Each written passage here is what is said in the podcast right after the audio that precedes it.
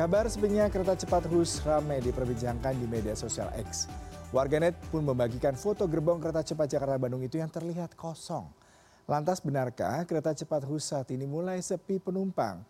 Bagaimana pula strategi KCIC untuk menggenjot keterisian penumpang?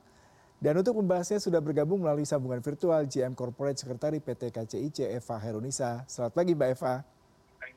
Halo, selamat pagi. Ya Mbak Eva, kita mau konfirmasi nih terkait dengan kabar yang beredar di sosial media mengenai kereta cepat Hus yang sepi penumpang dan bagaimana pihak KCIC menanggapi hal ini Mbak? Ya baik, uh, jadi kami memang beberapa waktu lalu melihat uh, adanya foto yang beredar uh, kereta tersebut. Uh, jadi mungkin dapat kami sampaikan secara real data yang kita miliki bahwa okupansi penumpang itu sampai dengan saat ini masih selalu di atas 50 persen. Sehingga foto tersebut bisa saja diambil pada saat perjalanan dari Padalarang menuju Tegaluar ataupun sebaliknya. Karena memang dari keseluruhan pengguna jasa yang berangkat dari Halim uh, menuju Bandung itu 80 persennya turun di stasiun Padalarang. Sehingga pada saat perjalanan dari Padalarang menuju Tegaluar ataupun sebaliknya pada saat kereta dari Tegaluar menuju Halim, uh, sebelum dia sampai Padalarang itu pasti sangat sepi. Nah, pada saat di Padalarang baru 80% mayoritas penumpang tersebut naik. Nah, ini bisa langsung ke lapangan ya melihat kondisi uh, di stasiun kereta cepat saat ini Halim, Padalarang ataupun Tegaluar. Adapun okupansi kami sendiri berdasarkan data sampai dengan saat ini kita masih berkisar di antara 60 sampai dengan 70 persen. Dan bahkan pada saat weekend itu bisa di atas uh, 70 sampai dengan uh, 80 persen ya. Nah sehingga kita lihat memang uh, secara okupansi ini sebenarnya masih stabil. Hanya saja memang kemarin pada saat uh, satu minggu setelah high season di liburan Nataru, satu minggu pertama, ini memang sempat mengalami penurunan sekitar 20 persen. Uh, tapi kemudian di minggu kedua ini kemudian mulai stabil kembali dengan okupansi ataupun rata-rata penumpang per hari itu di weekday uh, mencapai sekitar uh, 11.000 sampai dengan 13.000 sementara di weekend sampai dengan 18.000 seperti itu. Mm -hmm. Jadi memang uh, kalau kita lihat saat ini uh, cukup banyak pengguna jasa yang kita lihat mulai menjadi pengguna tetap ya. Uh, artinya kami menemukan pengguna-pengguna uh, yang memang setiap minggunya itu mereka pasti berangkat uh, dua sampai dengan uh, tiga kali perjalanan seperti itu.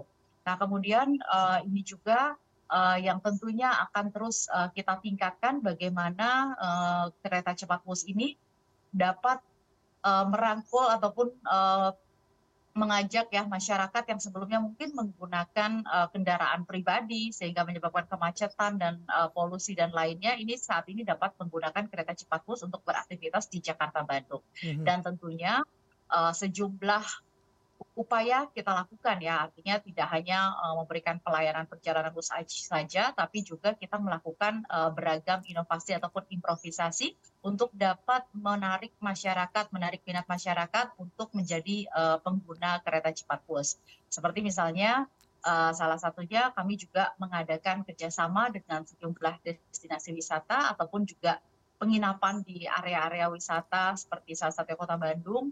Uh, ini kita melakukan promo ya. Jadi uh, bagi pengguna yang menggunakan kereta cepat dan memiliki tiket kereta cepat ini di 12 destinasi wisata yang sudah bekerja dengan kami bisa menukarkan tiketnya sehingga uh, gratis untuk masuk ke sejumlah uh, lokasi wisata tersebut. Kemudian hmm. untuk penginapan itu juga bisa mendapatkan diskon sampai dengan 20 uh, persen.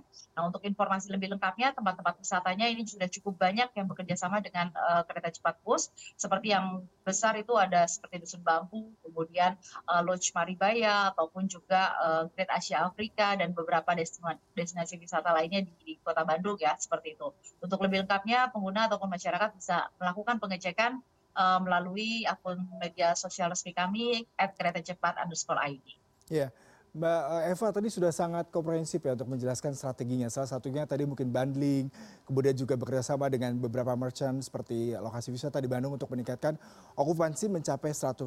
Tapi yang menarik juga bagaimana merubah pola uh, perilaku transportasi warga yang masih menggunakan kendaraan umum, kendaraan pribadi untuk menuju Bandung maksud saya. Apakah ini sudah mulai dilakukan? Seperti apa strateginya untuk bisa kembali meningkatkan uh, animo masyarakat yang selama ini mungkin menggunakan kendaraan pribadi untuk ke Bandung sehingga bisa shifting ke kereta cepat dan ini bisa meningkatkan okupansi mencapai 100% nih Mbak?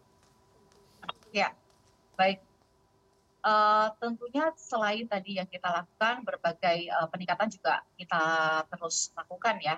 Salah satunya sebenarnya kalau kita ingin menarik masyarakat yang menggunakan uh, kendaraan pribadi sebelumnya kemudian menggunakan bus, yakni yang harus kita pikirkan juga adalah mengenai aksesibilitas. Bagaimana kita bisa memberikan kemudahan masyarakat untuk menuju stasiun kereta cepat dan sebaliknya pada saat ketika tiba di stasiun kereta cepat mereka uh, dapat dengan mudah berpindah moda uh, untuk menuju tujuan selanjutnya.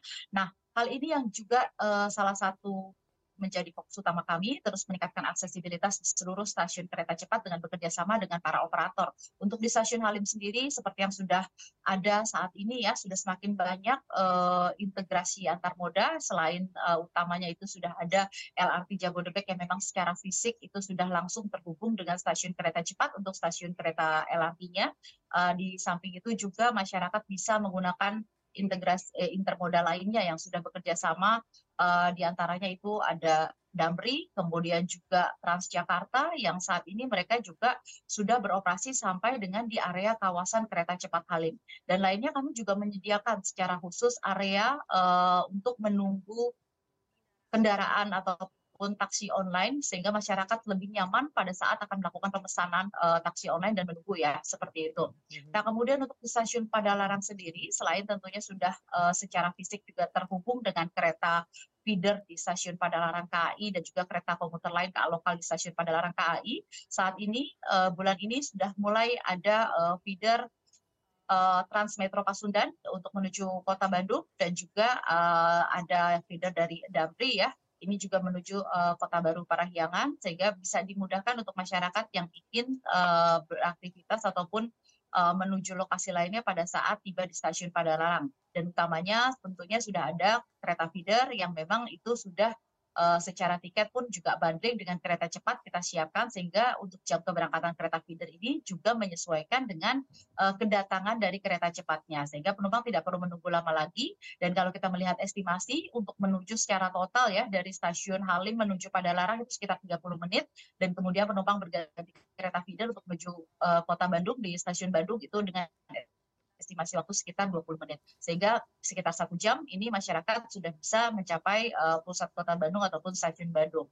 Dan untuk Tegal luar sendiri juga sudah uh, kita siapkan sejak awal aksesibilitasnya melalui pembangunan jembatan Cibiru bekerjasama dengan pemerintah setempat ya tentunya. Karena dengan adanya akses uh, jembatan Cibiru ini tentunya sangat terbuka untuk uh, sejumlah kendaraan untuk menuju stasiun Tegaluar.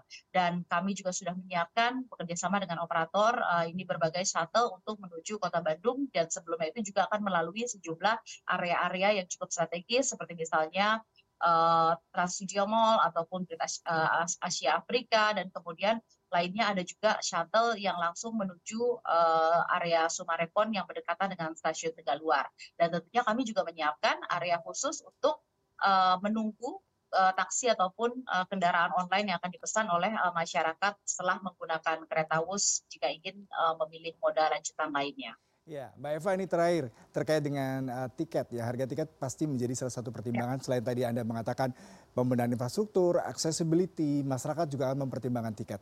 Lalu bagaimana strategi KCIC untuk uh, mengatasi permasalahan tiket yang kadang-kadang dikeluhkan terlalu mahal dibandingkan dengan kompetitor lainnya, Mbak? Ya, baik jadi sebenarnya kalau kita lihat ini hampir sama ya. Bahkan kita menawarkan waktu yang sangat kompetitif yakni dengan uh, waktu sekitar satu jam ini masyarakat sudah bisa mencapai kota Bandung dan tentunya kenyamanan yang uh, yang yang kita miliki baik itu di stasiun dan juga di dalam kereta. Bagaimana kita juga menggunakan teknologi uh, yang terbaru yang kereta cepat ini dan ini merupakan salah satu kereta cepat yang uh, memiliki kecepatan tercepat di Asia Tenggara ya. Nah, kemudian dari sisi tarif tentunya meskipun demikian kita juga ingin memberikan tarif yang kompetitif ataupun pilihan tarif yang mungkin dapat uh, membuat masyarakat uh, lebih ingin menggunakan kereta cepat WOS. Nah, ini salah satunya dengan penerapan dynamic pricing. Jadi dynamic pricing ini akan kita terapkan mulai keberangkatan untuk kereta cepat WOS tanggal 3 uh, eh, Februari 2024 ini ya. Sehingga untuk masyarakat yang akan melakukan pemesanan mulai hari ini sudah bisa untuk 14 hari ke depan uh, untuk perjalanan mulai tanggal 3 Februari ini sudah menggunakan uh, dynamic pricing di mana masyarakat uh, bisa memilih uh, sesuai dengan keinginannya ya. Tapi tentunya pilihan-pilihan dari berbagai tarif yang berkisar antara 150.000 sampai dengan 250.000 ini juga bergantung dari uh, berbagai hal seperti misalnya uh, jam keberangkatan, kemudian uh, hari uh, ini ya peak season ataupun hari kerja atau weekend tentunya akan berbeda seperti itu. Nah, dengan adanya berbagai uh, pilihan tarif ini yang juga disesuaikan dengan kebutuhan masyarakat ini bisa melakukan pengaturan perjalanannya dengan lebih uh, baik lagi dan kita juga mengharapkan bisa uh, menggunakan aplikasi-aplikasi yang sudah kami sediakan untuk melakukan pemesanan tiket sehingga tidak perlu uh, harus datang ke loket seperti itu. Baik, Mbak Eva, terima kasih untuk perbincangan pagi hari ini. Semoga strategi marketing tadi dan terobosan sudah dilakukan oleh KCIC bisa meningkatkan okupansi dari keterminatan warga untuk menggunakan HUS melakukan perjalanan Jakarta Bandung dan sebaliknya. Selamat pagi Mbak, salam sehat selalu. Terima kasih, selamat pagi.